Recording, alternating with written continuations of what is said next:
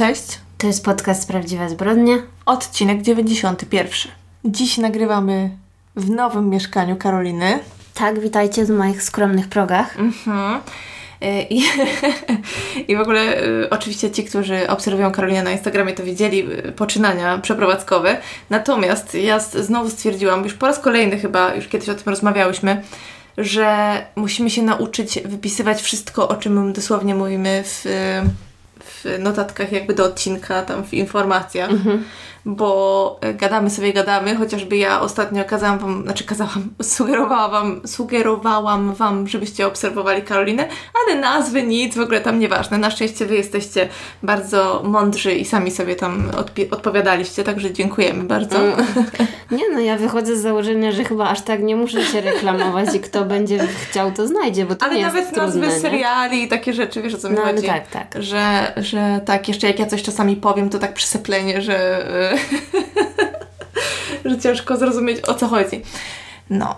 No także tak, ja przeprowadziłam się, co było jak zwykle tragicznym doświadczeniem, jak pewnie wiecie ci, którzy się przeprowadzacie. Trauma. No masakra i nie wiem, chyba jakoś teraz może przez to, że nagrywamy to, to już będę miała materiał taki twardy Mhm. do ewentualnie przyszłych pomysłów, żeby jednak nie robić tego samodzielnie, tylko może jednak komuś zapłacić za to, żeby cię przeprowadził, bo no nie wiem, czy jest warto się tak męczyć w sumie. Dużo stresu, dużo jakiejś No. takiej walki z czasem, prawda? No tak.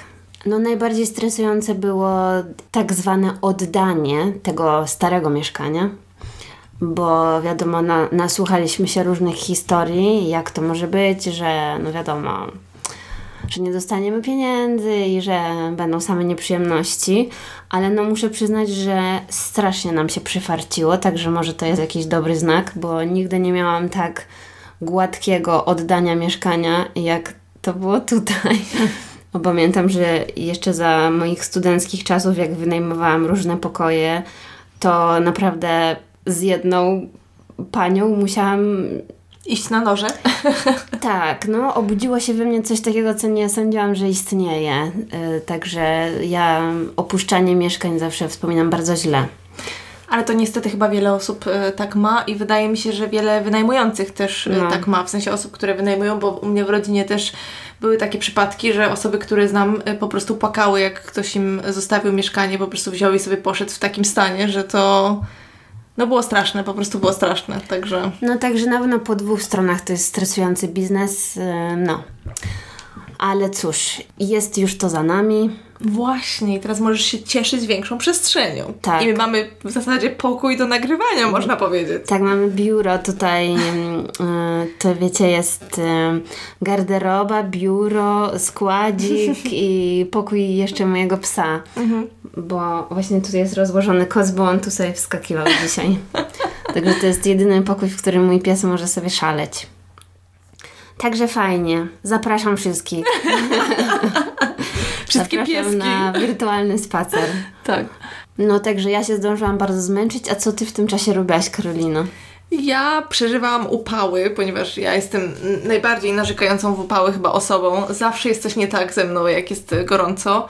E, Albo choruję z powodu klimatyzacji, albo nie jestem w stanie funkcjonować, bo jest gorąco, więc jakby nie dogodzicie mi. E, m- Mój partner już chyba po prostu nie słucha tego, co ja mówię. Ale e, zdążyłam nadrobić coś, o czym Ty wcześniej mówiłaś. Zresztą wysyłałam Ci e, snapy a O propos. właśnie, Tak. czekałam na to, czekałam No kochani, w końcu przekonałam się, żeby rozpocząć Żony z Beverly Hills, nie jak to się mówi, Real Housewives of Beverly Hills. No, no. W każdym razie. I jestem teraz chyba w połowie drugiego sezonu. To jest dobre gówno, naprawdę. To jest, to jest y, tak y, super na odmurzczenie się, że rozumiem, czemu wciągnęłaś to wszystko tak szybko. Y, Zresztą nie tylko ty mi to polecałaś, muszę ci powiedzieć. Jestem ciekawa właśnie, czy ludzie też polecają te z innych miast, bo ja trochę się boję, Mhm. bo wydaje mi się, że Beverly Hills to jest taka kwintesencja tego, o co w tym wszystkim chodzi. Mhm. To znaczy tak, jak byliśmy w Stanach ze dwa razy, to zdarzyło mi się trafić na odcinki w jakiejś tam telewizji, na jakimś przypadkowym, no nie, na tym kanale Brawo, tak mi No się właśnie, wydaje, tak? właśnie.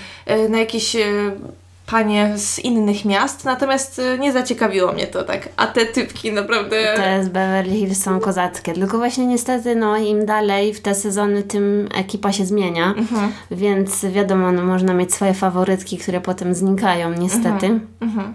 ale i tak utrzymują poziom dramy bardzo wysoki do samego końca. Ale w ogóle reżyserzy tego, ci, którzy jakby planują czy sugerują te różne eventy, które tam się dzieją, no bo wiadomo, że to nie jest tak super naturalne, tak mi się wydaje, że to nie wychodzi samo z siebie w, w, w wielu wypadkach. Ale oglądałaś na przykład odcinek ten Reunion? Tak, tak. No, no to widzisz, że to nie jest wyreżyserowane, Nie, bo one nie. potem i tak i tak się rzucają na siebie Tak. z pozorami.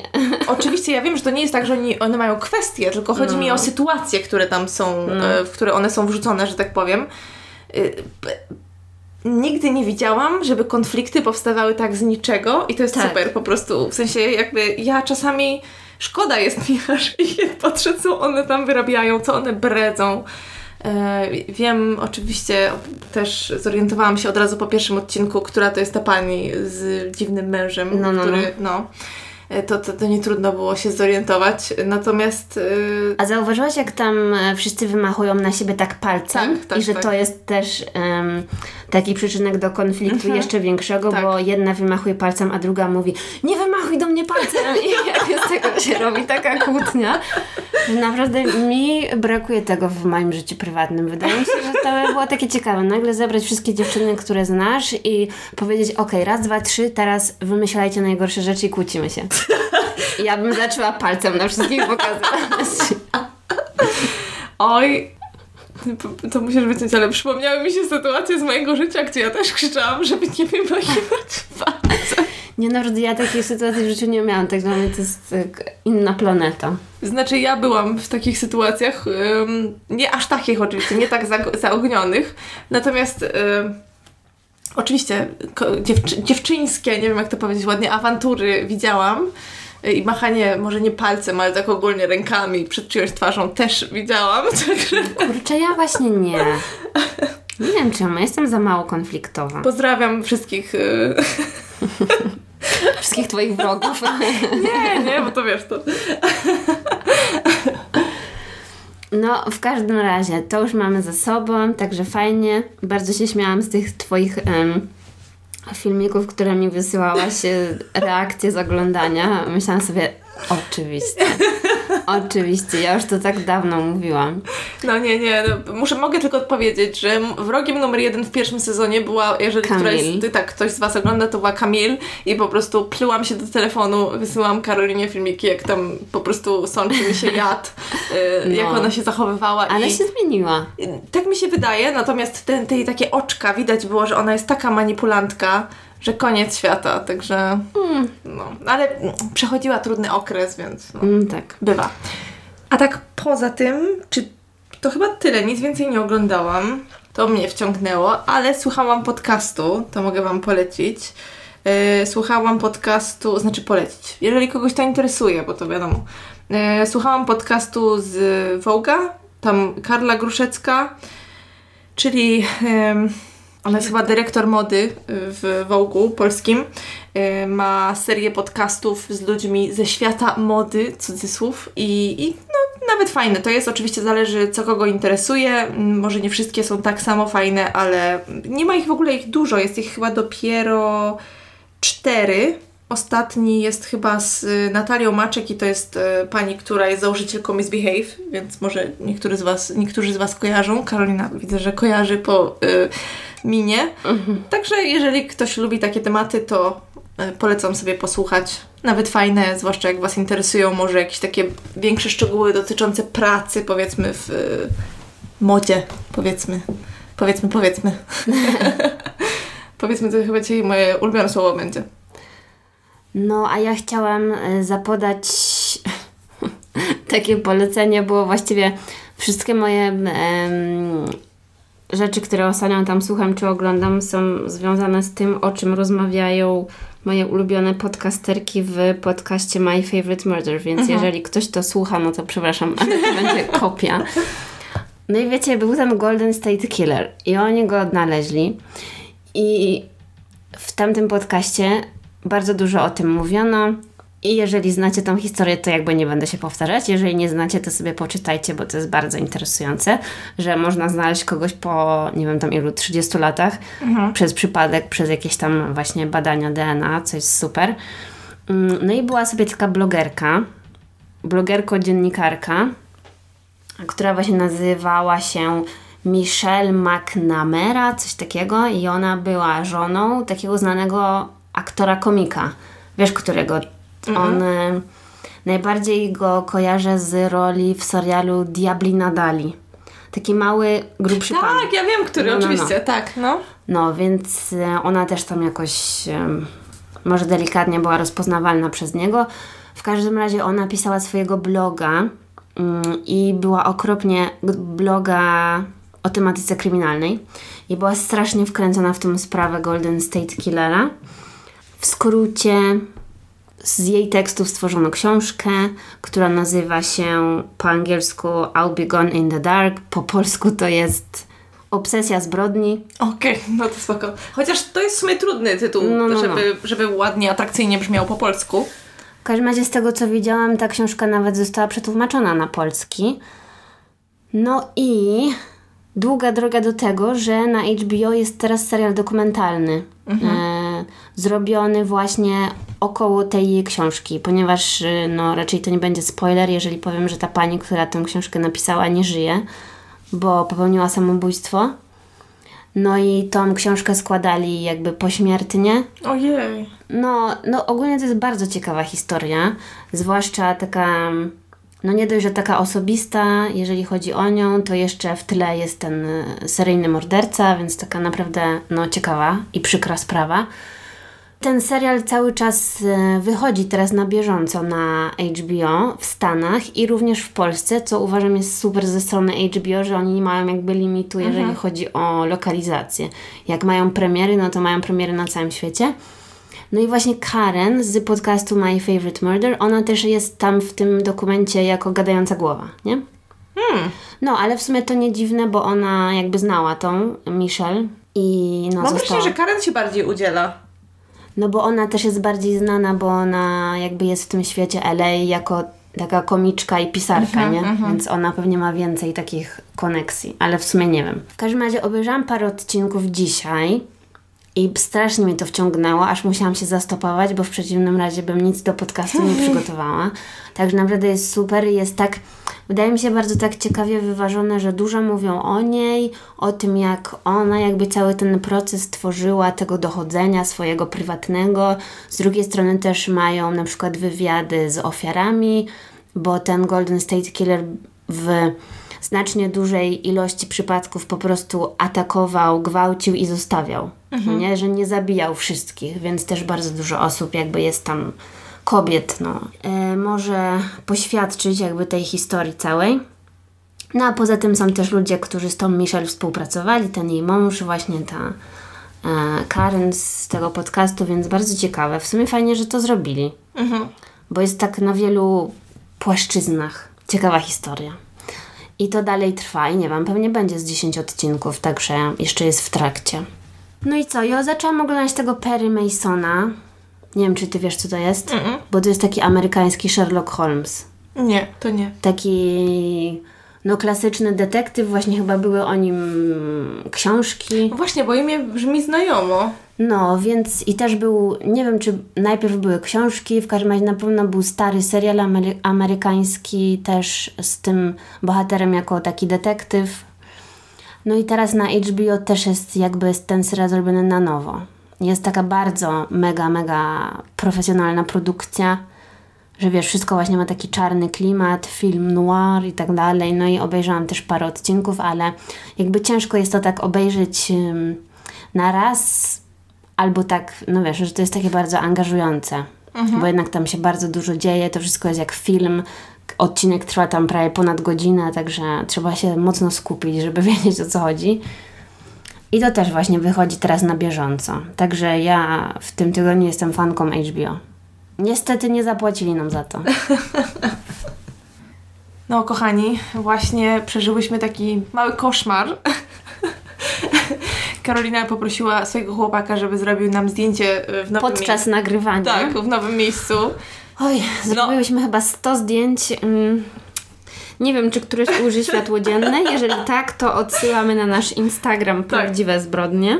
Ale naprawdę było ciężko, więc jeżeli zobaczycie to zdjęcie pomyślicie, że wyglądamy strasznie, no to dlatego, że było strasznie. No, było strasznie i teraz już obie mamy chyba nauczkę, że za każdym razem jak nagrywamy, ja muszę tu przychodzić po prostu w pełnym makijażu, yy, odwalona i tam, nie wiem, jakieś włosy na szczotce wyciągać, żeby No. móc zdjęcia robić, bo to nie jest śmieszne, jak patrzę jak wyglądają zdjęcia na Instagramie, zazwyczaj jak tam gdzieś scrolluję, no to mamy poprzeczkę wysoko postawioną.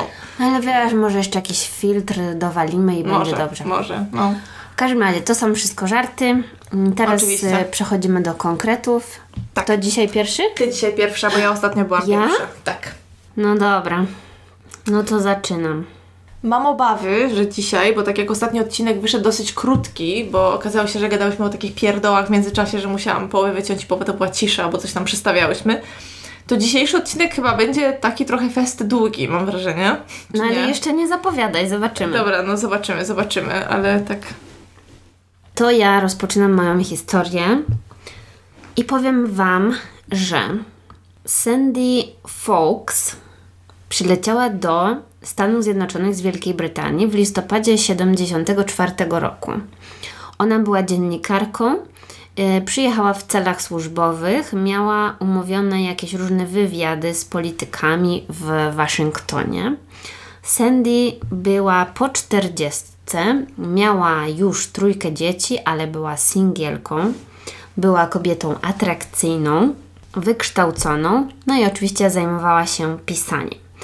E, Stała się rozpoznawalna w świecie dziennikarskim przez to, że jakiś czas wcześniej opisała morderstwo siedmiolatki dokonane przez jej ojczyma i to była taka dość głośna sprawa. W każdym razie mówię o tym dlatego, że właśnie Sandy, ona była 7 listopada sama w hotelowym barze w mieście Atlanta, kiedy podszedł do niej atrakcyjny mężczyzna, młodszy na pewno od niej, z takimi rudawymi włosami i zapytał, czy nie ma ochoty z nim zatańczyć. Ona powiedziała, że no nie ma czasu na tańce, ale że mogą się czegoś napić. No i Napicie zawsze. od słowa do słowa wyszło na to, że Sandy wybiera się następnego dnia na Florydę do Palm Beach, a ten jej mężczyzn, mm, ten jej towarzysz e, wybiera się następnego dnia do Miami. Więc stwierdzili, hmm, może pojedziemy razem. A właściwie to on zaproponował jej, że mogą pojechać razem jego samochodem. Podejrzane. Mi się już świeci czerwona lampka. No tak, ale pamiętajmy, że to są lata 70. i tam różne rzeczy były dopuszczalne. Wolna miłość, te sprawy. I przede wszystkim jeżdżenie na gapę. Nie, nie na gapę, Boże, co ja mówię. Na autostopa. Dokładnie. Wolna miłość, autostop i seryjni mordercy to takie chyba trzy em, cechy lat 70. I Tylko to z tym mi się kojarzą. I z dzwonami. I to jest to też ta historia, ale y, cicho. Już mnie, już mnie uciszasz, no. I on zaproponował jej taki road trip. Stwierdził, że skoro ona jest z zagranicy, no to pojadą sobie samochodem, to kawałek do przejechania, więc pokaże jej prawdziwą Amerykę, coś tam. No ona stwierdziła, że on jest czarujący, spoko. Było też wspomniane, że zażartowała sobie, że ma nadzieję, że nie jest seryjnym mordercą, bo w tamtym czasie też głośno było o różnych seryjnych mordercach. On powiedział, że haha, nie, no więc zaprosiła go do swojego pokoju. Mm, Więc skończyło się jakimś tam romansem i wyruszyła z nim następnego dnia w podróż na Florydę, a swoje doświadczenie potem opisała w książce. Ale o książce powiem Wam później. W każdym razie y, seks z tym mężczyzną nie był zbyt dobry podobno, ponieważ miał problem z utrzymaniem erekcji. Jego teksty też były lekko dziwne, e, bo mówił jej, że na pewno niedługo umrze, za kilka miesięcy albo maksymalnie za rok, że na pewno ktoś go zabije. Miał też ze sobą walizkę z taśmami magnetofonowymi. Nie chciał zdradzić, co na nich jest nagrane. W końcu powiedział jej, że nazywa się Lester Darrell Golden I bardzo spodobało mu się, że e, Sandy jest dziennikarką. No i wychodziło na to, że on miał nadzieję, że ona napisze o nim książkę, ale za bardzo nie było wiadomo dlaczego i w ogóle o co chodzi. I też być może cała ta sytuacja nie była dla Sandy taka. Nie wydawała jej się dziwna, ponieważ była chyba dość mocno zakrepiona alkoholem i ona troszeczkę może nie ogarniała, że to jest dziwna sytuacja. W końcu dotarli na Florydę i Sandy stwierdziła, że okej, okay, te kilka dni wystarczyło, to jest jej taki przelotny romans, ale już właściwie nie chce nic więcej od tego typa. Więc chciała go spławić. Powiedziała mu, że to koniec, żeby rozeszli się w swoje strony i że ma zamiar wrócić do Londynu, także i tak nic z tego nie będzie. Ale było miło. E, no, on nie był zbytnio zadowolony z tego powodu. Tam próbował ją prosić, że może jednak coś tam jeszcze, no ale w końcu sobie poszedł. Następnego dnia Sandy otrzymała wiadomość od sierżanta policji z West Palm Beach i tę wiadomość to myślałam się do, otrzymała w swoim hotelu. Więc ona e, dotarła w końcu na komisariat policji. Myślała, że być może chcą ją poinformować, że ten Daryl miał jakiś wypadek czy coś. Ale policjant zapytał ją, czy zna niejaką Susan Mackenzie. I Sandy powiedziała, że tak, kojarzy ją, bo to była żona jednego z dziennikarzy, z którymi piła poprzedniego wieczoru. Mhm. Bo ona tam przyjechała jakby odwiedzać różne gazety, dla których miała pisać teksty, no i spotykała się tam z dziennikarzami, którzy by ją tam powiedzmy oprowadzili po mieście, więc poznała tą kobietę przez przypadek. Na co policjant powiedział, że twój przyjaciel próbował ją dziś rano zgwałcić. Więc Sandy była w szoku. Okazało się, że Daryl zawiózł jej koleżankę. W ogóle nie wiem, jak on się z jej koleżanką znalazł, ale to chyba musiała być jakaś skomplikowana też akcja. Zawiózł jej koleżankę rano do fryzjera, zjechał z drogi i poprosił ją, żeby uprawiała z nim seks w samochodzie w tym momencie. Więc ta koleżanka odmówiła, a on na to wycelował w jej stronę broń. I Susan zdołała wydostać się z tego samochodu, mimo że tam była mocna szamotanina. Daryl załapał ją za włosy i nie chciał jej wypuścić, ale w końcu jej się udało. Więc ona potem zadzwoniła na policję z jakiegoś tam pobliskiego automatu budki telefonicznej. Ale e, Daryl niestety zdążył im uciec sprzed nosa. Na szczęście widzieli, jakim samochodem się porusza, i w końcu tam udało im się go złapać, ale to było parę dni później. No i w ciągu następnych kilku dni prawda na temat przelotnego kochanka Sandy wyszła na jaw.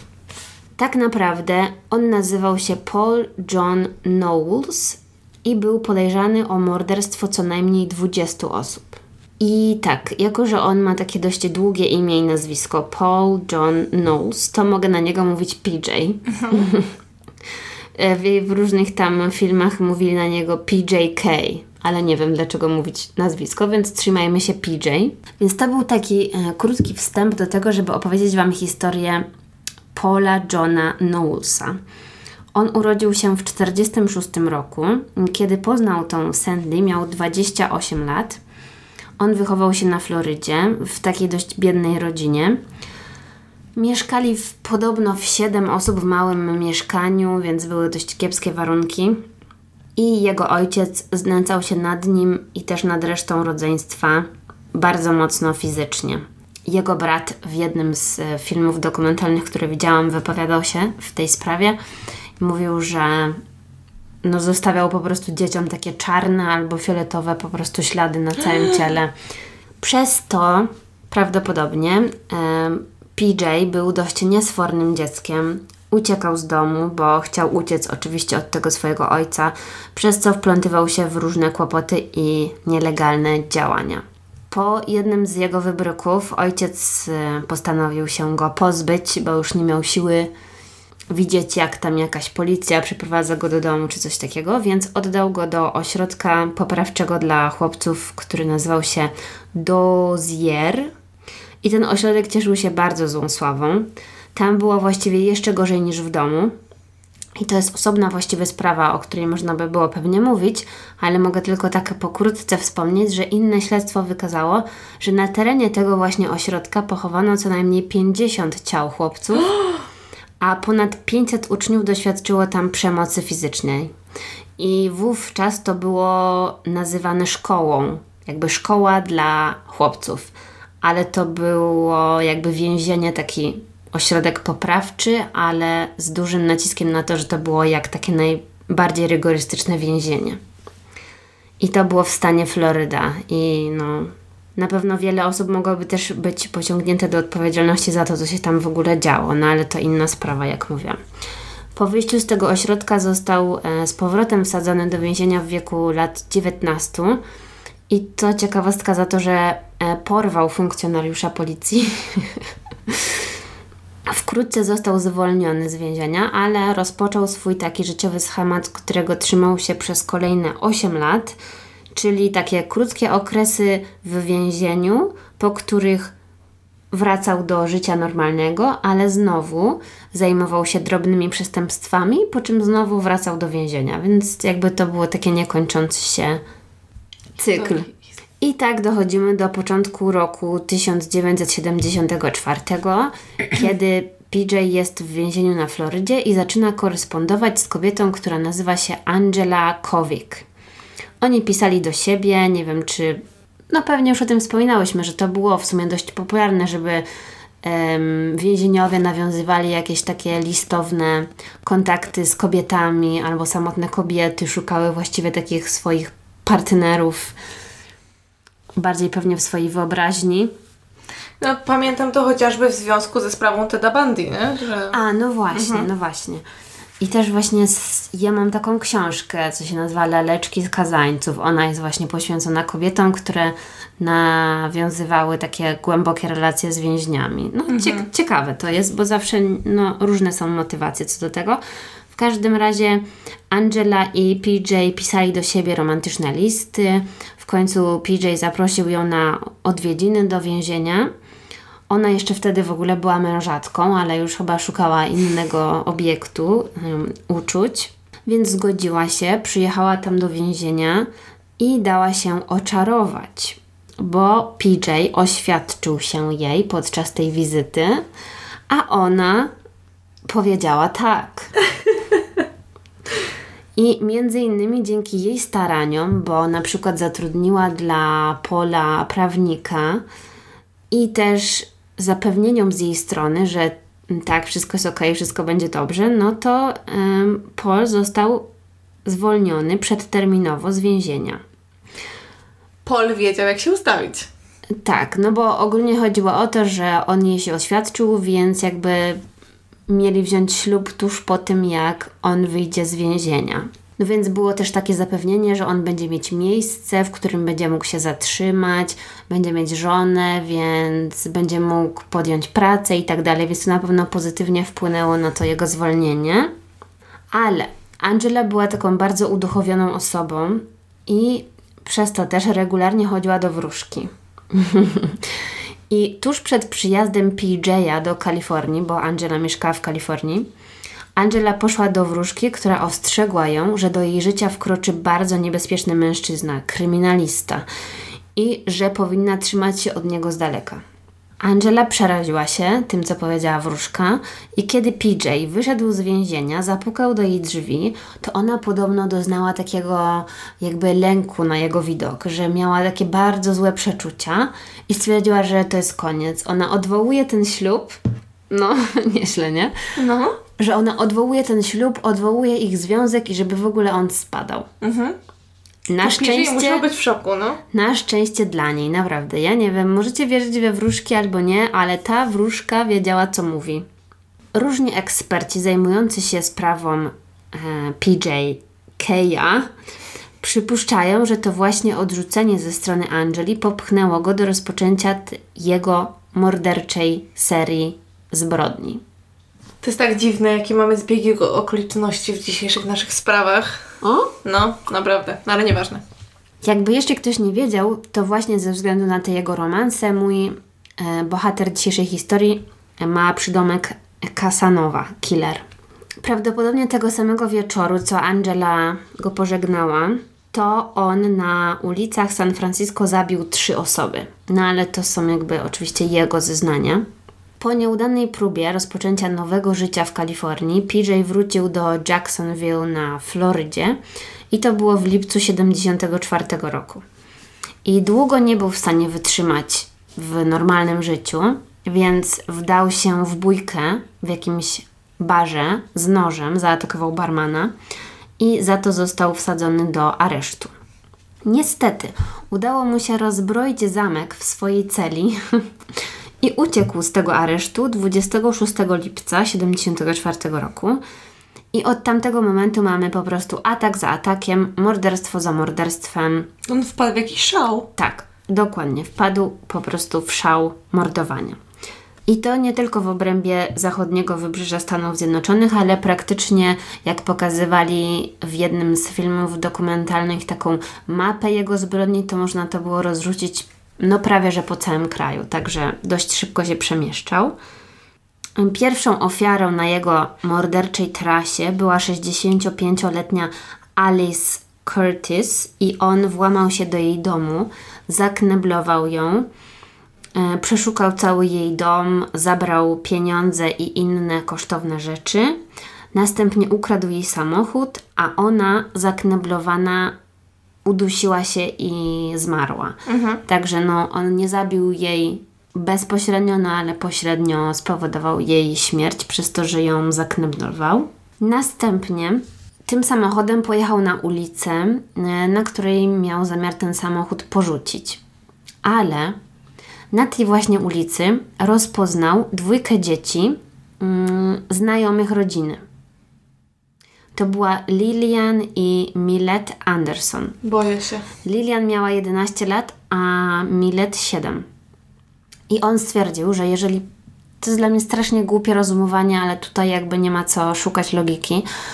W każdym razie on stwierdził, że jeżeli jest tym samochodem i przyjechał tam i zobaczył te dwie dziewczynki, to one będą w stanie go rozpoznać i przekazać dalej, że go widziały. Bardzo jakieś dziwnie daleko mhm. idące wnioski. Tak. Więc w obawie, że one później powiedzą, że go widziały, to on zachęcił je, żeby weszły do jego samochodu, więc po prostu porwał je. Następnie udusił i zakopał ich ciała w pobliskim bagnie.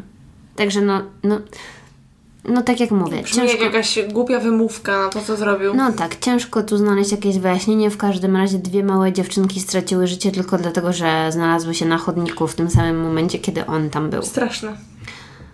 W ciągu następnych dwóch miesięcy PJK mhm. podróżował z Florydy wzdłuż wschodniego wybrzeża w stronę Connecticut i pozostawiał po sobie niestety mordercze ślady. Później nazwany został Casanova Killerem, właśnie ze względu na jego wygląd, że był przystojny i że potrafił omamić kobiety, bo też nie mówię, że wszystkie, ale sporo z jego ofiar po prostu dało się zauroczyć i jakoś tam przypadkowo poznane właśnie w barze, jak ta dziennikarka, zaprosiły go do siebie, no i potem to się dla nich skończyło tragicznie. Czyli można by powiedzieć, że zawód y, tej pani, o której pierwszej mówiłaś, mogła, mógł ją trochę uratować? Tak, dokładnie. No tak było, bo nawet y, była podobno jeszcze jedna kobieta, która uszła z życiem, właśnie też dlatego, że zajmowała się pisaniem. I potem różni eksperci wysnuwali takie teorie, że właśnie on pozwolił im żyć tylko dlatego, żeby one opisały jego historię. Pragnienie sławy. Mhm. Tak. No ale wiadomo, tak samo, bo to są te same lata oczywiście co Ted Bundy i wielu innych seryjnych morderców, więc tutaj mamy problem z tym, że on poruszał się między różnymi stanami, ciężko było tak naprawdę utrzymać jakby trop jego i połączyć te zbrodnie międzystanowe. Więc przez większość czasu policja w ogóle nie wiedziała o co chodzi, co tu się dzieje, bo nie było tak, że on miał jakiś swój modus operandi, że pozostawiał ślad, że robił konkretne rzeczy, tylko on po prostu randomowo zabijał kto popadnie, kto mu się napatoczył, ten musiał zginąć. W sierpniu atakował na Florydzie i w stanie Georgia, a jego ofiarami były 13-letnia dziewczynka i w ogóle to jest też ciekawostka, bo tą 13-letnią dziewczynkę byli w stanie zidentyfikować dopiero w 2011 roku. Ojej. Więc e, przez, wiesz, no przez wiele, wiele lat to pozostała nieznajoma. Ojej, a jakaś rodzina martwiła się i czekała, No aż właśnie. ich, o nie. No.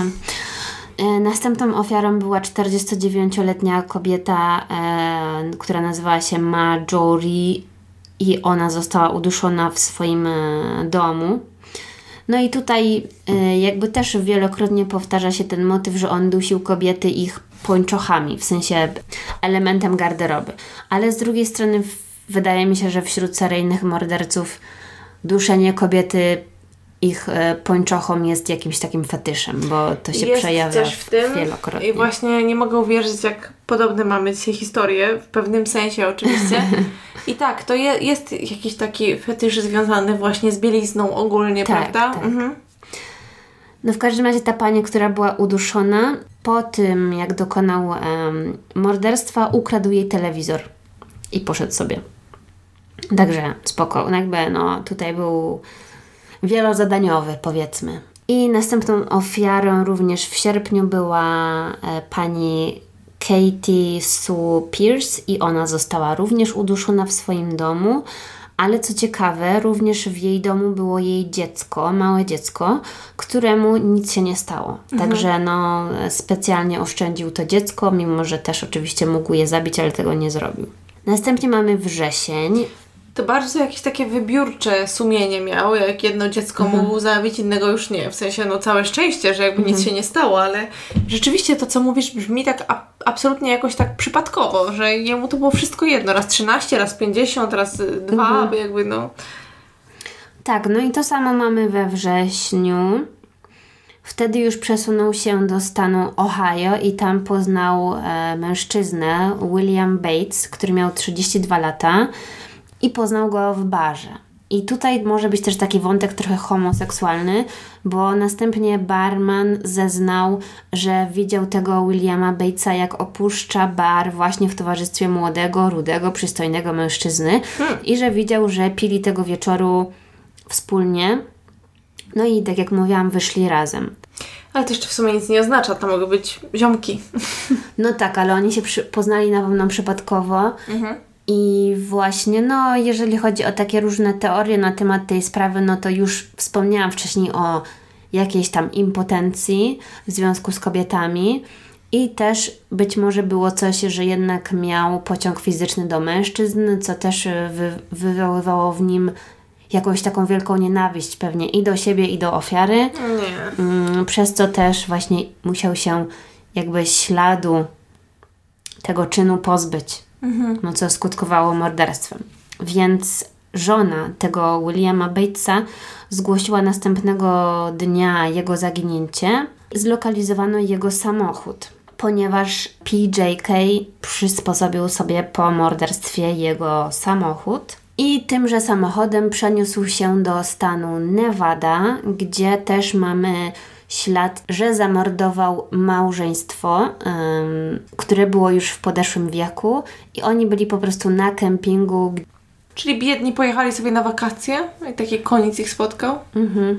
No niestety tak. I następne ofiary mamy w Teksasie, także tak jak mówiłam, dość skakał po tych sąsiednich stanach i tam e, zamordował motocyklistkę Charlene Hicks, którą zgwałcił i udusił też tymi rajstopami, także mówię, to jest e, powracający motyw. To też może być tak, że to nawet nie był jego fetysz, tylko po prostu coś, co miał dostępne pod pod ręką, ręką, no, prawda? No właśnie. Mhm. Kolejną znaną ofiarą była Ann Dawson i to była kosmetyczka ze stanu Alabama. Tutaj nie wiadomo, czy on ją porwał, czy też właśnie nie uwiódł przypadkiem, bo on znalazł się w jej mieszkaniu, ale nie było tam jakby żadnych śladów e, wtargnięcia, więc możliwe, że po prostu ona go zaprosiła.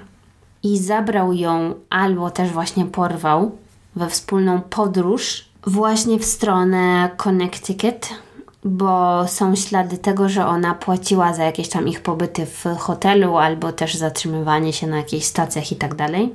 już po późniejszych zeznaniach tego Pola on twierdził, że wrzucił jej ciało do rzeki, no ale ciała nigdy nie znaleziono. Także to jest kolejna ofiara, która jest e, taka niezweryfikowana. No i mamy październik 74 roku, już w stanie e, Connecticut i jest następna ofiara, znowu kobieta, Karen i znowu wtargnął do jej domu.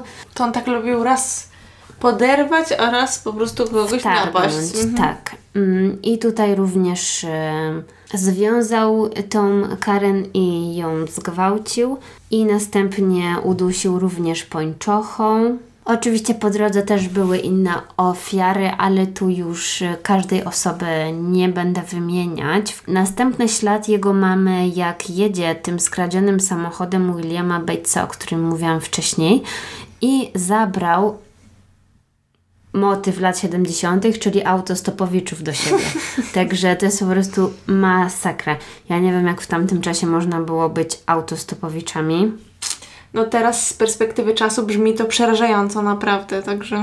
Więc wziął dwóch autostopowiczów do swojego samochodu. Oczywiście miał zamiar ich zabicia, ale tutaj mamy taki zwrot akcji, ponieważ jego plan się nie powiódł, bo został zatrzymany przez policję w tym samochodzie ze względu na przekroczenie tam prędkości czy coś takiego. I bardzo się wystraszył, to jakoś strasznie go poruszyło, więc wypuścił tych kolesi ze swojego samochodu i powiedział, że idźcie sobie. I skontaktował się ze swoim prawnikiem i prawnik nazywał się Sheldon Jawic.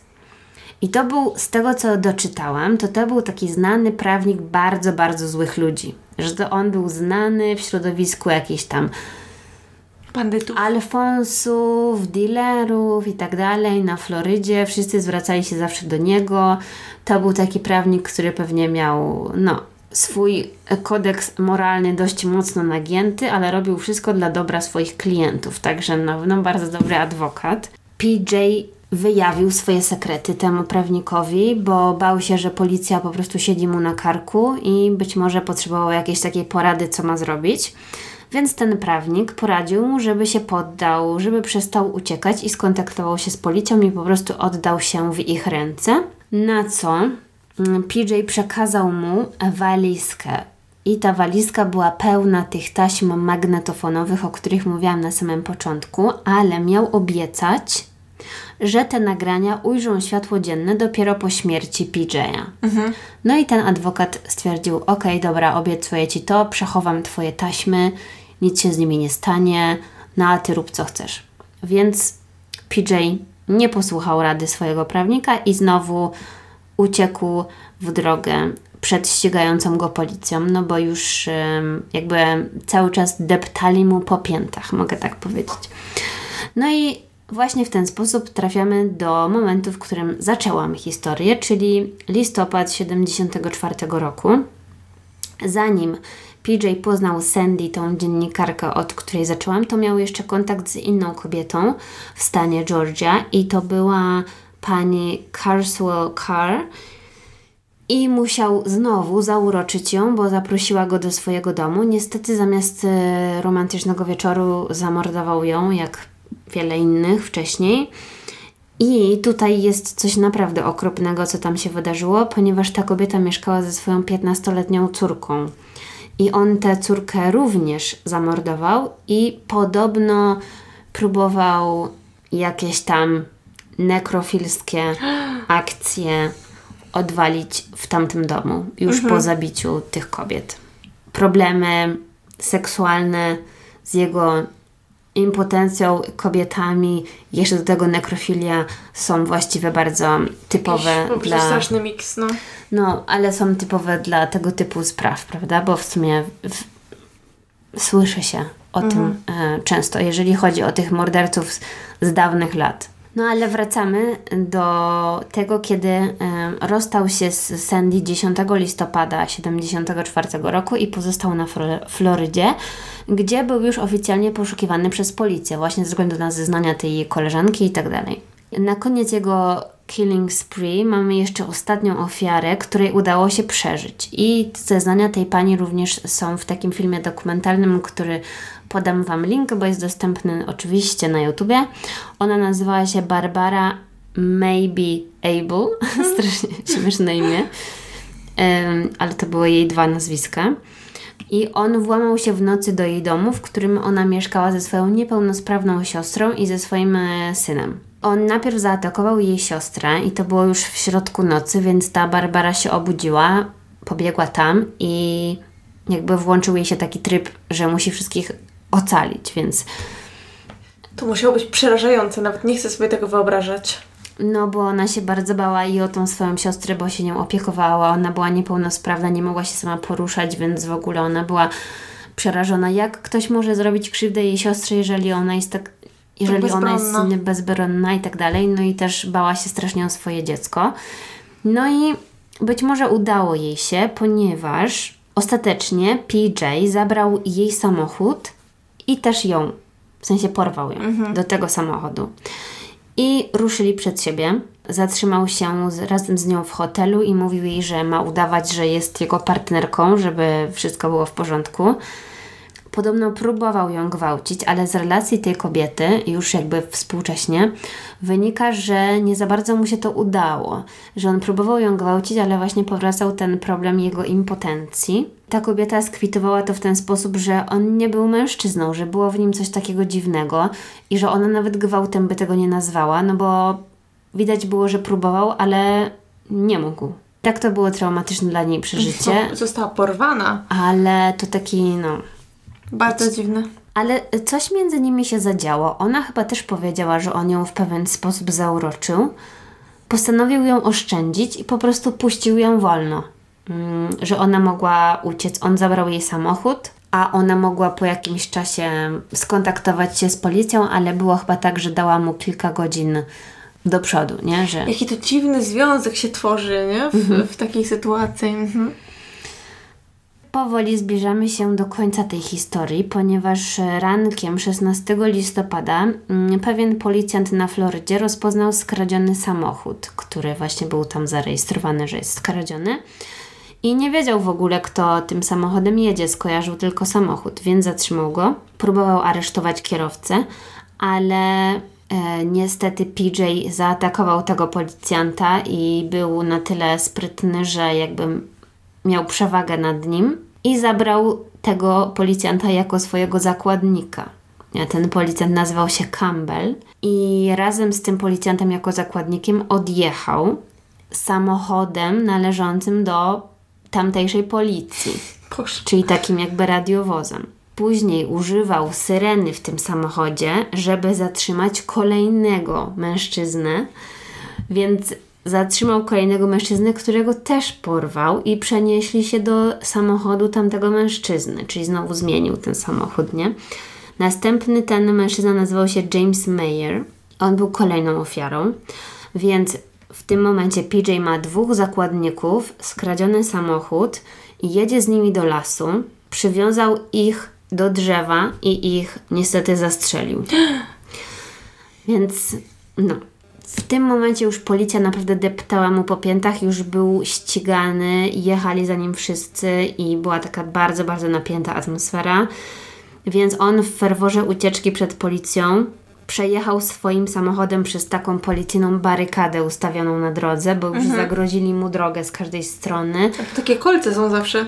Tak, bo to było jakby na terenie takim, z tego co sobie wyobrażam z tych wszystkich opowieści, to było na takim terenie chyba leśnym, więc yy, było mało miejsc takich, żeby samochód mógł przejechać, więc oni tam ustawili barykady, a on mimo to przejechał przez te barykady, rozwalił swój samochód, musiał wysiąść z tego samochodu, w międzyczasie strzelał do policjantów, którzy go gonili. Po prostu jakby, no ja nie wiem, chciałabym zobaczyć film o tym, bo byłby na pewno bardzo emocjonujący. Nie, no to brzmi po prostu jak on by na oślep w szale, w ogóle nie wiadomo z jakiej paki chodził, mordował ludzi na 10 różnych sposobów. Mhm. Bardzo dziwna sprawa.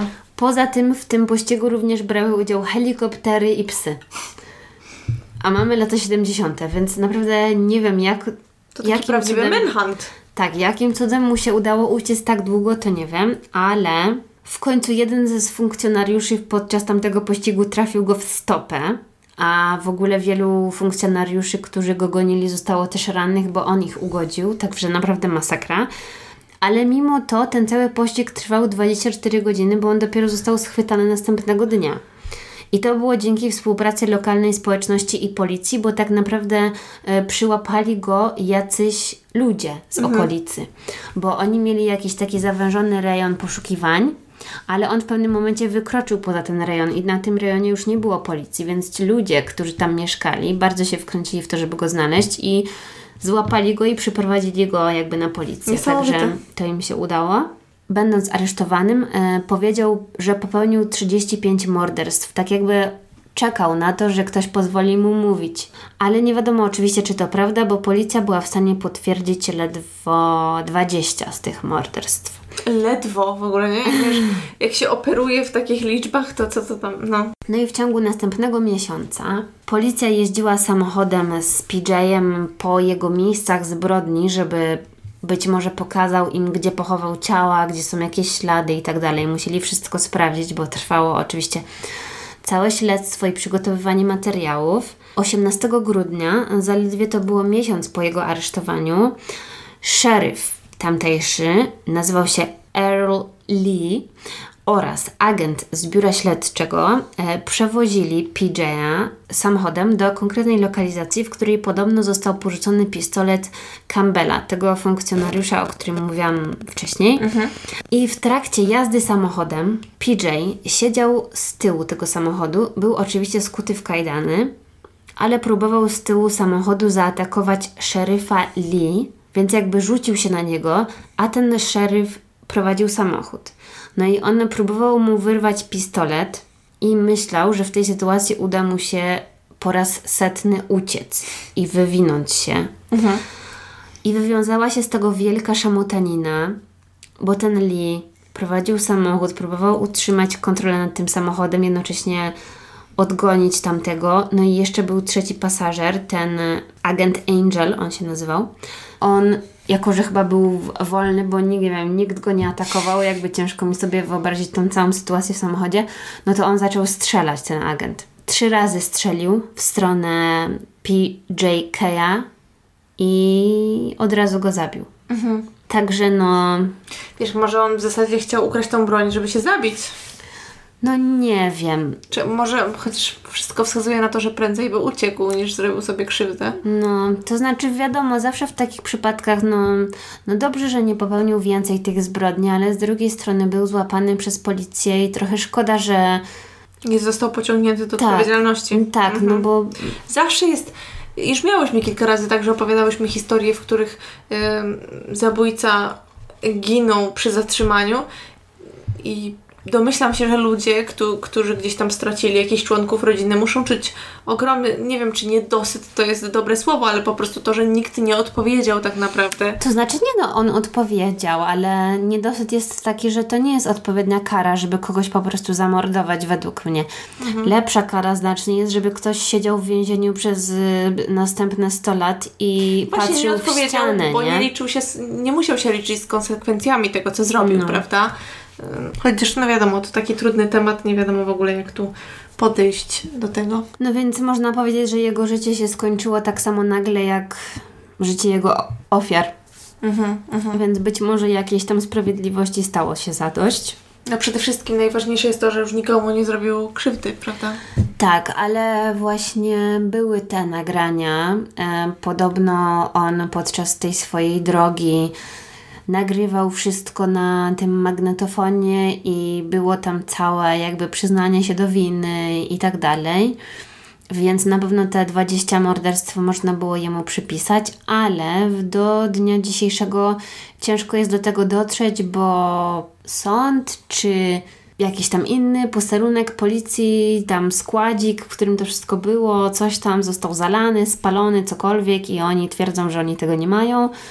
W każdym razie niby jest jakaś kopia tych nagrań i w jednym właśnie filmie dokumentalnym na temat tej sprawy były fragmenty, więc można sobie mm, coś tam posłuchać w kwestii tej sprawy i jego przyznania się.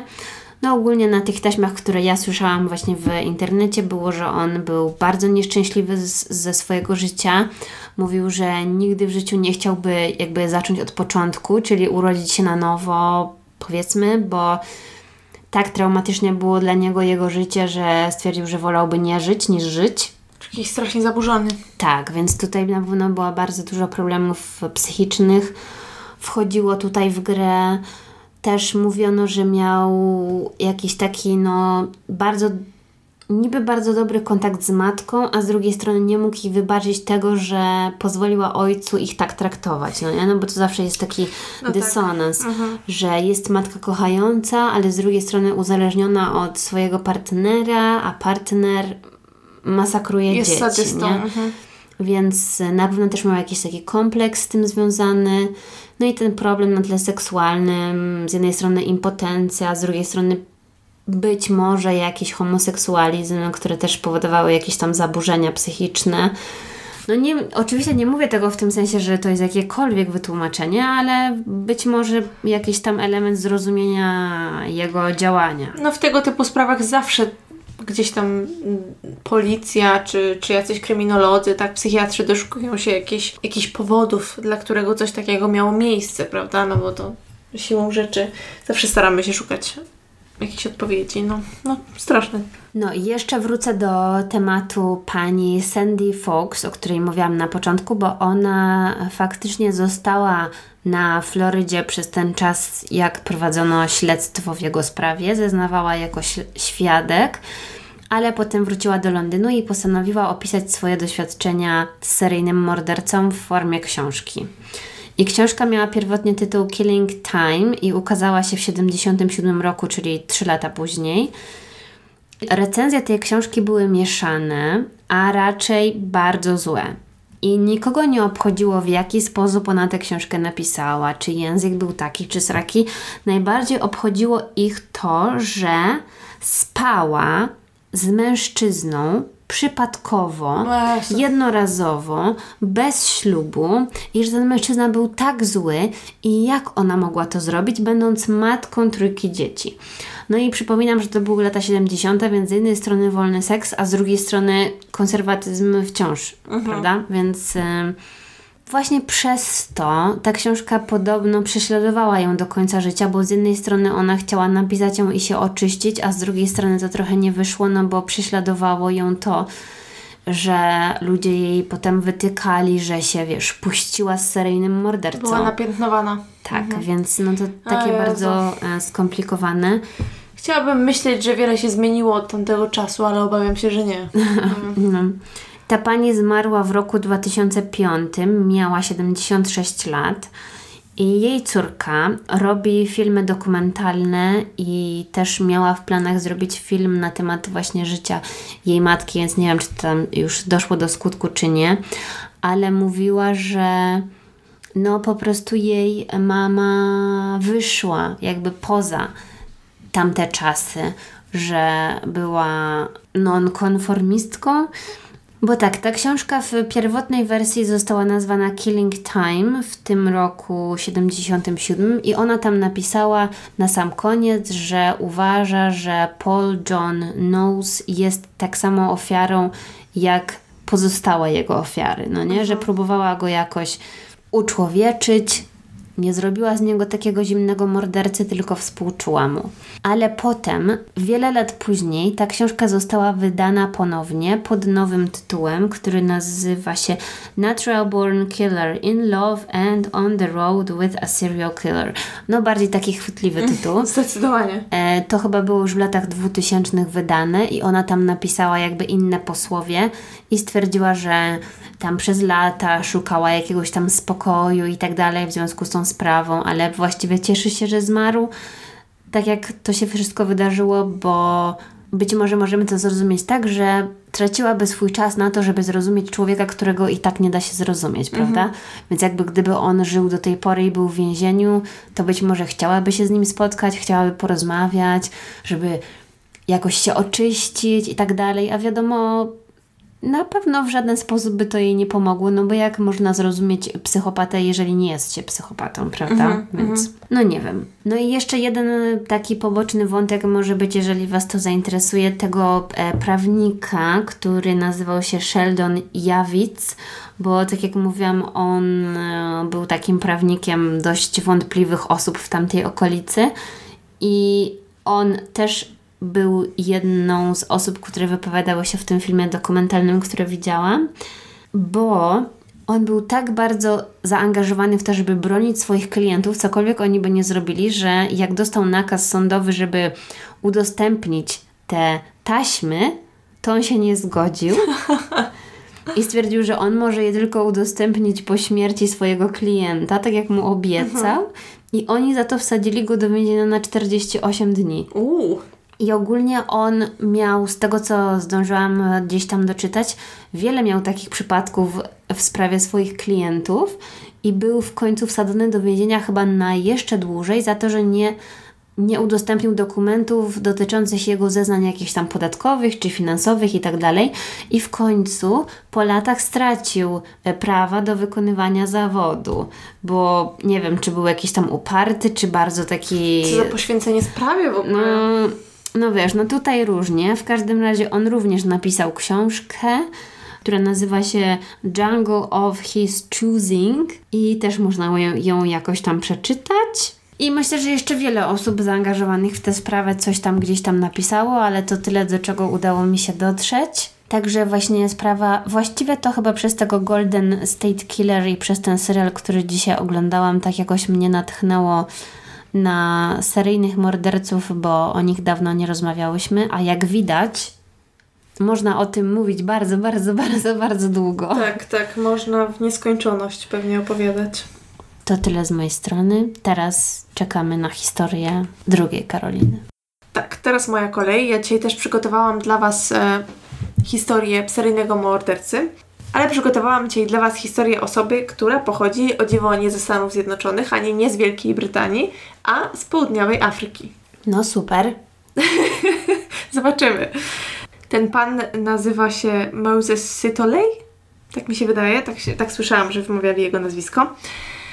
On urodził się w 1964 w listopadzie, właśnie w południowej Afryce i dorastał w wielodzietnej rodzinie. On był chyba czwartym z rodzeństwa. Kiedy miał 6 lat, y, jego rodzinę spotkała tragedia, dlatego że jego ojciec umarł. Był w zasadzie głównym żywicielem rodziny, jeżeli nie jedynym. Dodatkowo w tle jakby tego całego jego życia mm, był apartheid, e, wszyscy pewnie kojarzycie. E, także mm, on dorastał w takiej społeczności, w której miał mało możliwości, tak? Nie miał zbyt wiele perspektyw, jeśli chodzi o edukację, pracę, yy, dlatego że to społeczeństwo było mocno podzielone, była segregacja, tak? Kiedy jego ojciec umarł, jego rodzina z, jakby znalazła się w bardzo ciężkiej sytuacji, dlatego że po kilku miesiącach yy, od śmierci tego ojca yy, groziła im eksmisja, dlatego że jego matka nie była w stanie sobie tak na dobrą sprawę poradzić Mhm. y, z tą całą rodziną, z, z wyżywieniem tylu osób. I, I ponoć doszło do takiej sytuacji, gdzie ona zaprowadziła te swoje dzieci pod posterunek policji i zagroziła im, że, znaczy zagroziła, powiedziała im, że mają udawać sieroty, że mają nie mówić, czyimi są dziećmi i poszła sobie. W sensie jakby te dzieci poszły pod posterunek i jakby to było tyle. Miały Chciała je udawać... porzucić. Dokładnie, dokładnie. No i tak też e, się stało. I oczywiście te dzieci zostały rozdzielone, trafiły do różnych tam e, sierocińców, gdzie no niestety m, z tego co rozumiem nie były traktowane dobrze. E, ten system nijak dzieci nie chronił, wręcz przeciwnie, narażał je na wiele niebezpieczeństw. E, I główny bohater, czyli właśnie ten Moses, e, ponoć wielokrotnie uciekał e, od tego systemu. Raz, e, kiedy miał bodajże 8 lat, ponoć uciekł do matki, wrócił dosłownie na piechotę do domu, a ta matka odesłała go z kwitkiem, jak to jedno ze źródeł e, mówiło, co było pierwszym jakimś tam pewnie dużym rozczarowaniem w jego życiu. No to na pewno już pierwsze traumatyczne zdarzenie mamy za, za sobą. Tak, y, w- jakieś tam źródła twierdziły też, że jego sytuacja rodzinna nie była taka, jak powinna być, dlatego że jakaś tam siostra miała go bardzo źle traktować, jego matka też nie była chyba dla niego, czy też w ogóle dla wszystkich swoich dzieci najmilszych. Gdzieś znalazłam też takie informacje, że miała problemy z alkoholem, natomiast nie wiem, no ciężko powiedzieć, jak to w rzeczywistości wyglądało. No i oczywiście te dzieci bujały się gdzieś tam po, po różnych y, sierocińcach, domach dziecka, różnych ośrodkach.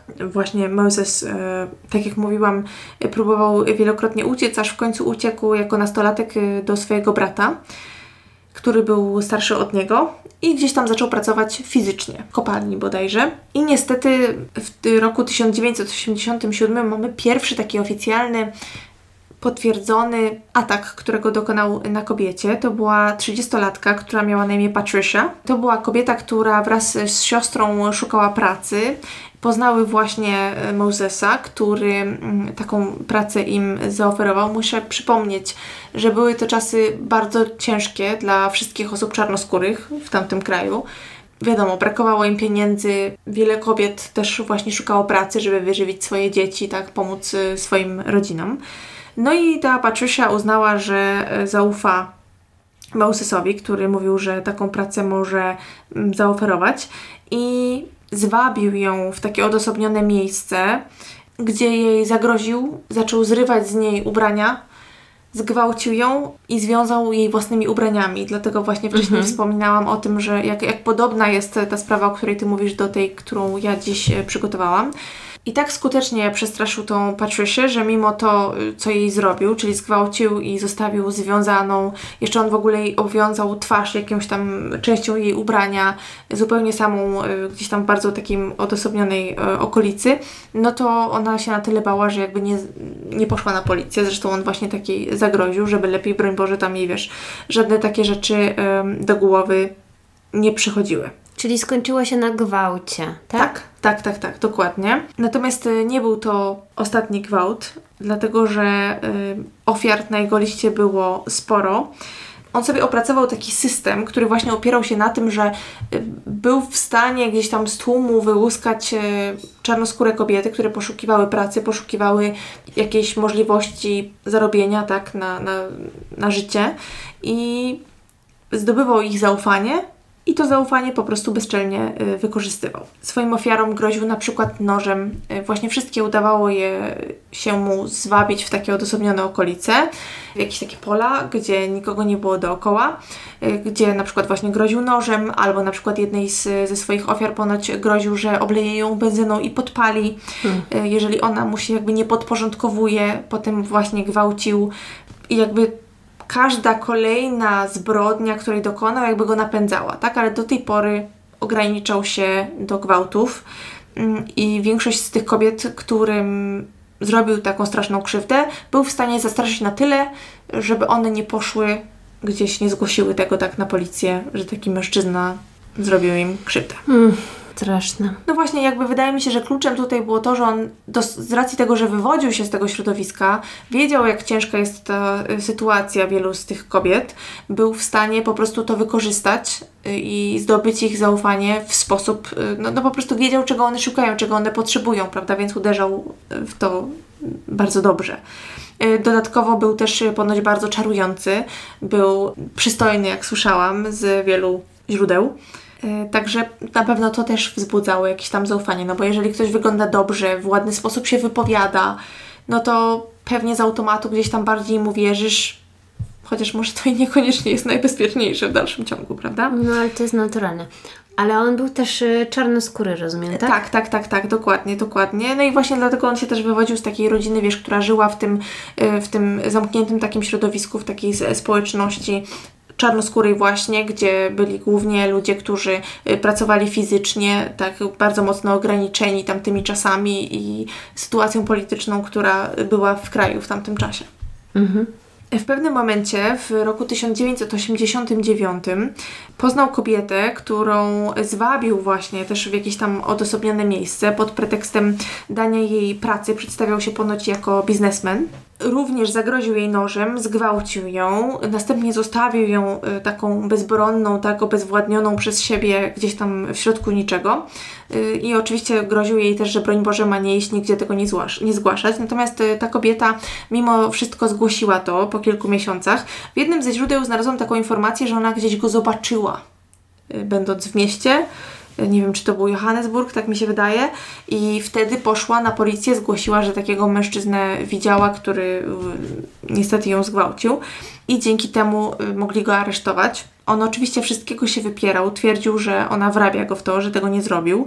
Natomiast sąd mu w to nie uwierzył i został skazany na więzienie. W jednym ze źródeł słyszałam, że na 7 lat, w innym, że na 10.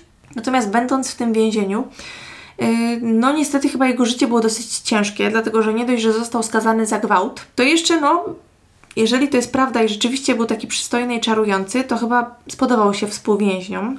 Bo z tego co wiem, on też y, został ofiarą gwałtów. Przynajmniej tak właśnie wynikało jednego, z jednego ze źródeł. Zresztą też mówili o tym w takim y, 40-kilkuminutowym programie dokumentalnym, który widziałam na YouTubie, bo szczerze mówiąc na temat tego pana jakoś tam dużo takich materiałów filmowych nie było w internecie, natomiast właśnie jest taki jeden, mogę Wam podlinkować i tam właśnie y, jacyś śledczy, detektywi, którzy się zajmowali tą sprawą, mówili właśnie o tym, że on niestety y, padł ofiarą gwałtu w więzieniu. I było mu tam dosyć ciężko, natomiast tam też wspominali o tym, że był według strażników takim y, więźniem modelowym, powiedzmy, że bardzo dobrze się zachowywał. On tam ponoć ym, przystąpił do jakiegoś chóru, był taki bardzo religijny, także no, sprawował się dobrze, natomiast życia łatwego chyba tam nie miał. Ale będąc w więzieniu, poznał y, kobietę, która nazywała się Marta i była to y, kobieta z rodziny jednego ze współwięźniów. Po, zaraz po wyjściu z tego więzienia, bo on wyszedł z tego więzienia w 93 bodajże, mm, postanowili razem zamieszkać. Ślubu nigdy ze sobą nie wzięli, natomiast żyli razem. I z racji tego, że żyli razem, no to y, małżeństwo ponoć zaczął pracować właśnie z bratem Marty. Oni bodajże coś robili przy samochodach, chyba mechanikiem był, z tego co pamiętam. Przez zmiany polityczne, które działy się w tym czasie, mnóstwo młodych kobiet przyjeżdżało z mniejszych miejscowości do miast. I właśnie w poszukiwaniu lepszego życia, zarobku, poprawienia jakości swojego życia. No i tutaj nasz główny bohater doskonale potrafił to wykorzystać. W pewnym momencie przestał pracować e, ze swoim tam szwagrem bodajże, tylko zaczął codziennie rano wychodzić ładnie ubrany, jak to też właśnie wspominali w tym, tym programie dokumentalnym i tam w, akty- w artykułach, w poszukiwaniu pracy. Aha, czyli po prostu udawał, że coś robi. Tak, tak, tak, tak. I w 1994, dokładnie w lipcu tego roku, y, spotkał kobietę, która nazywała się Marie. Ona w zasadzie była nastolatką, bo miała 19 lat. Przedstawił się tam jakimś innym imieniem, z tego co wiem, nie pamiętam już jakim to jest nieistotne. W każdym razie y, no, sprawiał wrażenie kogoś, komu można ufać, bo tak jak mówię, wiesz, był ładnie ubrany, tak? Mówił dosyć, dosyć był elokwentny ponoć y, i w jakiś sposób też za pomocą tego, tej obietnicy pracy, y, dania możliwości zarobku, zwabił ją znowu w odosobnione miejsce, a następnie potraktował ją jak wszelkie swoje poprzednie ofiary, natomiast tą zabił. Udusił Marii. Czyli to była pierwsza ofiara śmiertelna jego? Tak, dokładnie. I on właśnie do duszenia, czy też mordowania swoich ofiar używał również części ich garderoby, czy są bielizny, czy to był biustonosz, czy to były pończochy. Też y, w, gdzieś, nie pamiętam, czy to było też w tym programie, czy w jakimś artykule, mówiono, że y, on na przykład tak robił, że jak mm, zakręcał ten materiał wokół szyi ofiary, to z tyłu tak patyczkiem kręcił jakby, żeby je tak podduszać. Wiesz, że wsadzał patyk w materiał i tak kręcił nim, żeby je A. podduszać. Nie wiem, e, czy to jest, e, czy tak było rzeczywiście, ale, ale takie gdzieś tam informacje znalazłam. I jakby ta Marie roz, rozpoczęła mm, takiego killing spree, o którym Ty już e, wcześniej wspominałaś, dlatego że tego samego roku zabił mnóstwo młodych kobiet. E, Kolejną zabił w sierpniu, dwie kolejne w zasadzie w sierpniu, potem kilka jeszcze kobiet zabił we wrześniu, potem w grudniu. I były tam oczywiście jakieś przerwy między tą pierwszą zbrodnią, między tym pierwszym gwałtem, który został gdzieś tam odnotowany, tak, potwierdzony.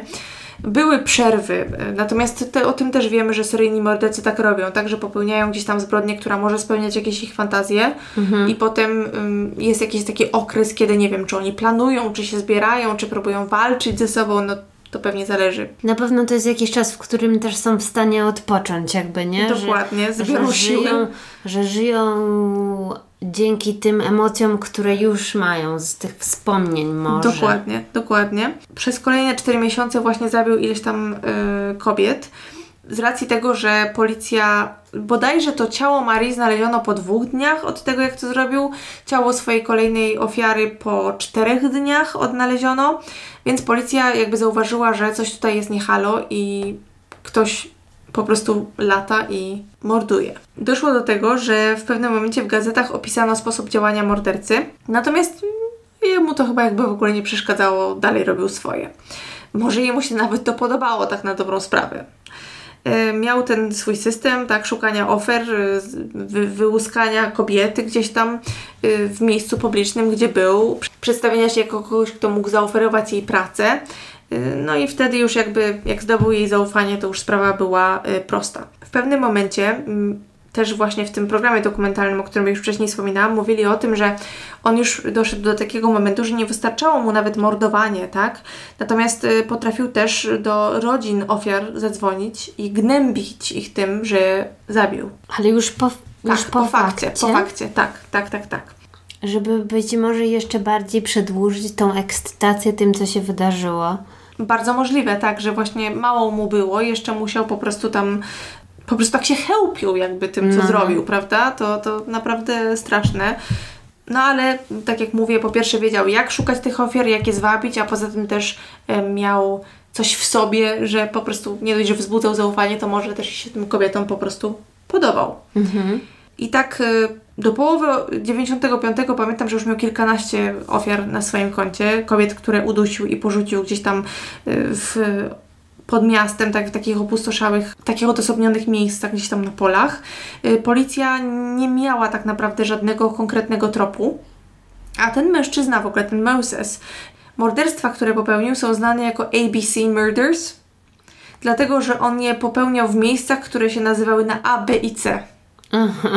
Tak, dlatego y, w taki sposób y, jest y, znany, a właśnie jakby już ta końcowa fala jego morderstw, tych ataków działa się na przedmieściach Johannesburga i właśnie mhm. wszystkie te jego ofiary ginęły w takich odosobnionych, wiesz, polnych okolicach, powiedzmy.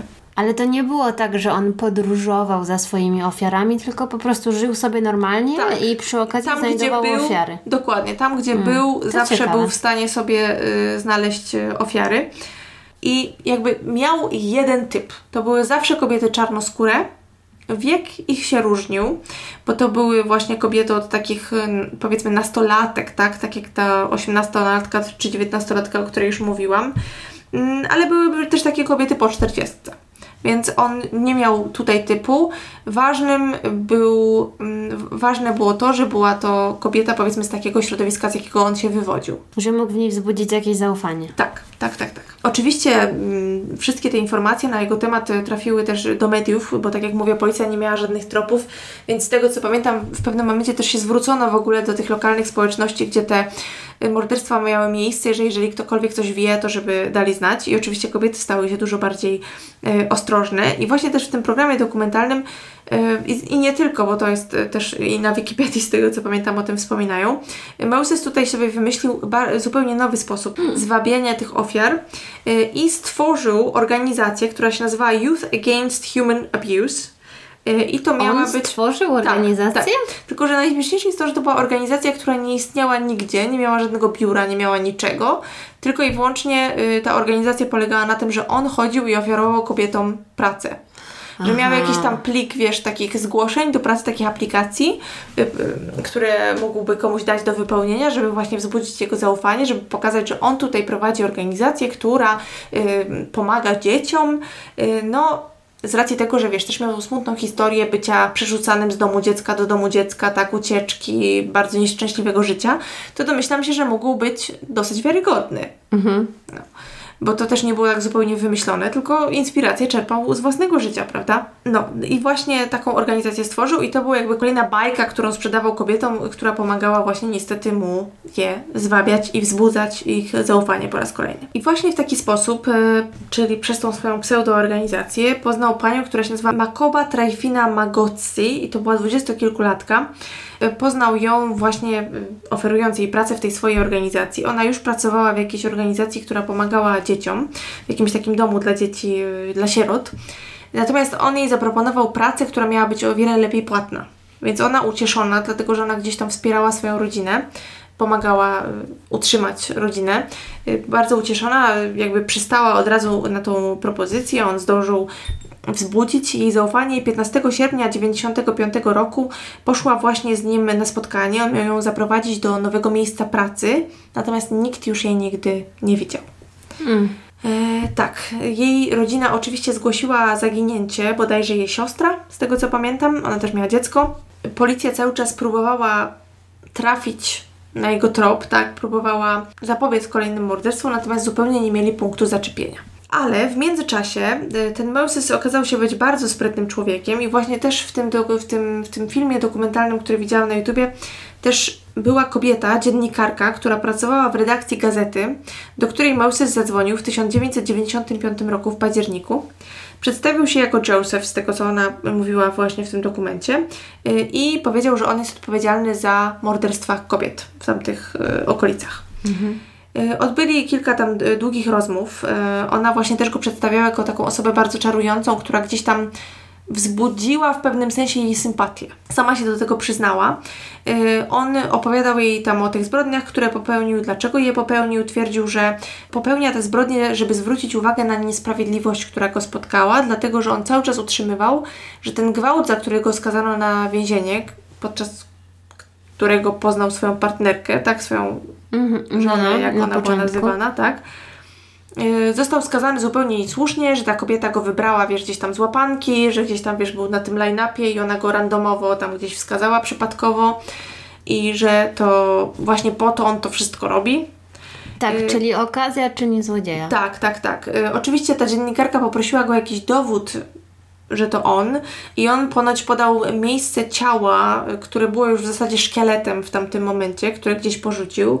Rzeczywiście policja to ciało odnalazła, potem odnalazła jeszcze kolejne, które było już y, takim, no dość jego świeża ofiara, to było bodajże dzień po tym, jak tą biedną kobietę zabił gdzieś tam przez to, że oni nawiązali, ta dziennikarka z Mosesem nawiązali jakąś, powiedzmy taką, no nie wiem, bliższą pseudorelację, to y, ta kobieta była, ta dziennikarka była w stanie przekazywać policji informacje na temat y, i tego, co on mówi. I nawet y, policji udało się w pewnym momencie dotrzeć do miejsca, w którym on rozmawiał przy, y, w budce telefonicznej z tą dziennikarką, natomiast to spełzło na niczym, bo on się chyba zorientował, że y, policja właśnie zaraz go zatrzyma. Jego zdjęcie zostało również upublicznione, a doszło do tego w taki sposób, że ta kobieta, ta pani, która się nazywała Makoba Trajfina Magozzi, jej znajomi z pracy, jak policja do nich poszła i zapytała się, z kim ta kobieta poszła się spotkać i jak wyglądało, kto tam jej oferował tą pracę, to na szczęście jedna z jej koleżanek z pracy pamiętała imię i nazwisko tego faceta, który zaproponował jej pracę. I właśnie, oczywiście powiedziała, że miał na imię Moses, tak podała jego nazwisko. Policja była w stanie zawęzić gdzieś tam i, i jakby odnaleźć e, jego kartotekę. I właśnie okazało się, że on też wcześniej był już skazany za gwałt. Więc mieli już jego zdjęcie, mieli jego imię i nazwisko i wydrukowano je w gazetach, pokazywano je w telewizji. Więc już jakby też kobiety wiedziały, na kogo mają uważać, że tak powiem. A w międzyczasie Moses postanowił skontaktować się ze swoim szwagrem bodajże właśnie, yy, czy z jakimś tam członkiem rodziny swojej żony i powiedział, że potrzebuje broni. Ten mężczyzna przystał na to, powiedział, że mu pomoże, ustalili miejsce spotkania. Yy, Natomiast ten mężczyzna zaraz po kontakcie z Mosesem oczywiście poinformował o tym policję. I policja zorganizowała zasadzkę na niego. Natomiast on się zorientował i próbował uciec. Yy, nawet chyba tam próbował zaatakować policjanta, z tego co pamiętam. Ten policjant powiedział strzałami i Moses został y, podwójnie postrzelony. Yy, oczywiście zabrano go do szpitala, on wyzdrowiał, nie zabili go. I policja próbowała dociec, dlaczego on to wszystko zrobił i, i czy to wszystkie jego ofiary udało się policji odnaleźć. I w tym y, też programie dokumentalnym on ponoć, y, tam, tam jeden ze śledczych mówi, że powiedział, że nie wie, czy, bo nie był z nimi, nie wie, które ciała odnaleźli, które nie. Tam właśnie też policjant się wypowiada, że postanowili wysłać e, panią policjantkę, bo stwierdzili, że skoro on miał taki problem z kobietami, ewidentnie coś tam mu nie leżało, to może przy policjantce gdzieś tam, nie wiem, czy bardziej się otworzy, czy jakoś zareaguje, prawda, coś będą, jakąś reakcję będą w stanie w, w nim wzbudzić. No i mieli rację, bo w tym programie powiedziano, że poszła do niego policjantka, zaczęła mu zadawać pytania, a on po prostu cały podniecony opowiadał jej o tym, co zrobił, jak to wszystko wyglądało i do tego stopnia go to miało podekscytować, że, że zaczął zaczął się masturbować przy tej policjantce. Aj, Tak. Także no... Mm, jakieś takie niespełnione fantazje. Naprawdę, naprawdę coś tam, coś tam z nim y, było nie tak. I jak on trafił do aresztu, to lokalna społeczność y, była bardzo zła. Ponoć dostawał pogróżki, ludzie wystawali pod aresztem. I w końcu 21 października 96 roku on został y, postawiony przed sądem, uwaga, z zarzutem 37 morderstw i 40 gwałtów. Jej, to strasznie dużo. Tak, i jedna z jego ofiar w ogóle, przy jednej z jego ofiar, bo było w ogóle tak, że jak znaleziono tą dziewczynę, której współpracownica zna, pamiętała imię Mosesa, to ją znaleziono z dziesięcioma innymi ciałami. A, Czy z dziewięcioma, w sensie ona była jednym chyba z dziesięciu ciał, które znaleziono na jednym polu, rozumiesz? On był ponoć tak bezczelny, że w jednej okolicy znajdowali ciało i po dwóch, trzech, czterech dniach było kolejne ciało w bardzo podobnym miejscu. On jakby się wręcz prosił, żeby ktoś, wiesz, mu siedział gdzieś tam na ogonie, czuł się tak bezkarny, jakimś, nie wiem, panem i władcą, tak się karmił tym wszystkim. No niesamowite to jest. I wiesz, jeszcze ta zabawa z dziennikarzami, z, z, wiesz, to, to, to, to, no nie, byłam bardzo zdziwiona, szczerze mówiąc. I jedna właśnie z jego ofiar, on ją zamordował razem z jej dzieckiem malutkim. To było jakieś takie, wiesz, no może nie niemowlę, ale jakieś takie naprawdę malutkie, nie wiem, chyba dwa lata miało to dziecko. Mogę teraz, nie wiem, czy dobrze pamiętam, ale po prostu ta kobieta przyszła bodajże z tym dzieckiem na spotkanie o pracę, w cudzysłowie, bo nie miała z kim tego dziecka zostawić i on po prostu, no, no jakby i ona i jej dziecko umarły. y, I on też miał, wiesz, takie y, metody, że on się tymi ofiarami później, im dalej w las szedł, tak się bawił, że on, nie wiesz, podduszał, one traciły przytomność, potem się, wiesz, ocknęły i on znowu to samo. Niektóre ponoć gdzieś tam wieszał na paskach, na przykład od torebek, czy on, wiesz, na zwykłych paskach, y, czy na fragmentach odzieży z drzew, także, wiesz, że one tak wisiały, wisiały i jak już nie miały siły gdzieś tam się trzymać, to po prostu same się zaczynały podduszać pod, wiesz, pod ciężarem własnego ciała naprawdę, naprawdę straszne rzeczy. Yy, także część oczywiście z, z tych, z, tak naprawdę nie wiadomo ilu on zbrodni dokonał, ile on gwałtów tak naprawdę dokonał, które nie zostały gdzieś tam odnotowane, których yy, ofiary się nie pojawiły, dlatego że część ofiar tych gwałtów, które dokonał zanim zaczął zabijać, oczywiście wypłynęło, że tak powiem, na świat, wyszło na światło dzienne podczas jego procesu i też gdzieś widziałam taką liczbę, że podczas jego procesu zeznawało ponad 140 osób. Oj, no to Także dużo. naprawdę dużo. I też w tym programie akurat mówili o tym, że on ponoć z taką pogardą podchodził do tego, jak świadkowie zeznawali, że tam wiesz, śmiał się, kiwał głową, tak jakby cały czas był pewny, że jemu się uda z tego wszystkiego wykpić. Natomiast poza tym, że dopasowali DNA, dlatego że przy ofiarach oczywiście, czy też na ofiarach znaleziono jego DNA, które potem byli w stanie dopasować, po tym już jak go schwytali, to też y, tutaj zorganizowano mm, taką sytuację, że y, facet, który siedział z nim w więzieniu, y, przemycił kamerę do celi, jakby gadał z tym Mosesem i zadawał mu różne pytania w stylu, ile czasu potrzeba, żeby kogoś udusić, dlaczego to robił i tak dalej. I on to wszystko opowiadał i były te nagrania i to też oczywiście zostało wykorzystane podczas procesu. I fragmenty tego też y, można znaleźć w internecie i to jest trochę szokujące, bo on tam mówił rzeczy w stylu, nie, 5 minut to za długo, żeby kogoś udusić, czy to kilka minut wystarczy. Y, mówił też o tym, że y, jakby robił to dlatego, że kobiety, ewidentnie no po prostu kobiet nienawidził. Nie trudno się domyślić dlaczego. Y, Problem z matką. problem z matką, też nie wiadomo, co tak naprawdę się u niego w domu działo, czego doświadczył w tych domach, y, w tych sierocińcach, tak? Bo tam też mm, mogło być różnie i z tego co wiem, to nie były miłe miejsca dla dzieci. Właśnie on bardzo twierdził, że ten system go zawiódł i on twierdził, że nikt cię nie jest w stanie skrzywdzić tak jak kobieta. Y, No i oczywiście tam wielu y, specjalistów doszukiwało się tych początków we wczesnym dzieciństwie, tego, do czego to później doprowadziło. Natomiast to nie jest reguła, tak? To, że mi się coś stanie złego, to nie oznacza, że wyjdę z bronią i zacznę strzelać do ludzi na ulicy. Więc ewidentnie coś, coś musiało być e, z nim nie tak, że tak powiem. A podczas jego procesu pod sądem zbierały się ogromne grupy czarnoskórych kobiet, no, który był jakby jego grupą docelową tutaj, tak, bo on sam przyznał, że szukał kobiet, y, które konkretnie nie obchodziło go skąd są, kim są, jaka jest sytuacja ich życiowa, tylko po prostu to był pewien taki typ, który według niego przypominały mu tą kobietę, która oskarżyła go o gwałt, przez którą trafił do więzienia. Ale czy to nie jest bajka? Ciężko stwierdzić. No może być. Tak, tak naprawdę nie wiemy o co chodzi. I te kobiety są takie e, fragmenty nagrań, gdzie one tańczą przed tym sądem, śpiewając czemu nas zabijasz. Wiesz, takie tam jakieś piosenki. I ogólnie e, te tłumy domagały się, żeby sąd wydał im jego, żeby oni mogli go w cudzysłowie osądzić. Oho. Czyli wiesz, no bo w tamtym Ciekawe. momencie już e, w tym kraju wycofano karę śmierci, ale uwaga, on za te wszystkie gwałty i morderstwa, które dokonał w grudniu 97 roku został skazany na 2410 lat więzienia. Bez możliwości wcześniejszego Aha. wyjścia, czyli jakby to wszystko e, zsumowali. Czyli każda ofiara miała ileś tam lat i Tak. to pomnożenie. Tak, tak, tak, tak. Dokładnie. I potwierdzone było, przepraszam, nie 37, tak jak wcześniej mówiłam, tylko 38 zabójstw, dlatego że jeszcze było to dziecko niestety. I właśnie tam te 40, około 40 gwałtów. Natomiast i zabójstw, i gwałtów mogło być tak naprawdę więcej. I najgorsze, co usłyszałam w tym programie, zresztą w artykułach jakichś też to było, to było to, że on jak trafił do więzienia, już tam go osadzono, oczywiście osadzono go w więzieniu jakimś tam maksymalnym, wiesz, rygorze, to okazało się, że on ma AIDS. No i z racji tego, że był w więzieniu, no to oczywiście trafił do szpitala, podano mu wszelkie leki, jakie trzeba. A wiesz, jakie jest zakończenie tego filmu dokumentalnego, yy, który znalazłam na YouTubie? Takie, że ta jego partnerka i córka, którą oni mieli wspólnie, malutka dziewczynka, też miały AIDS. Aha. I on w więzieniu już dostawał te leki, a ich nie było na to stać. Aha. I to mnie tak po prostu... No, A to był e, już który rok? 97 bodajże, jakiego skazano. Aha, no to już jakby wprowadzono normalne leczenie na Tak, na tak, tak, AIDS, tak, tak, dokładnie. No i właśnie jakby on no, dostał to, prawda, no bo siedział sobie w więzieniu, miał świetną opiekę.